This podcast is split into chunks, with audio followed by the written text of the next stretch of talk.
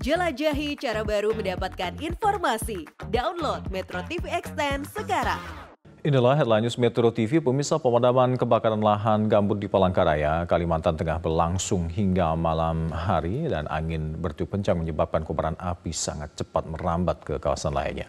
Kobaran api besar membumbung tinggi, membakar lahan gambut yang tumbuh semak belukar dan pepohonan kering di Jalan Karahe, Kelurahan Petuk Katimpun, Palangkaraya pada selasa malam.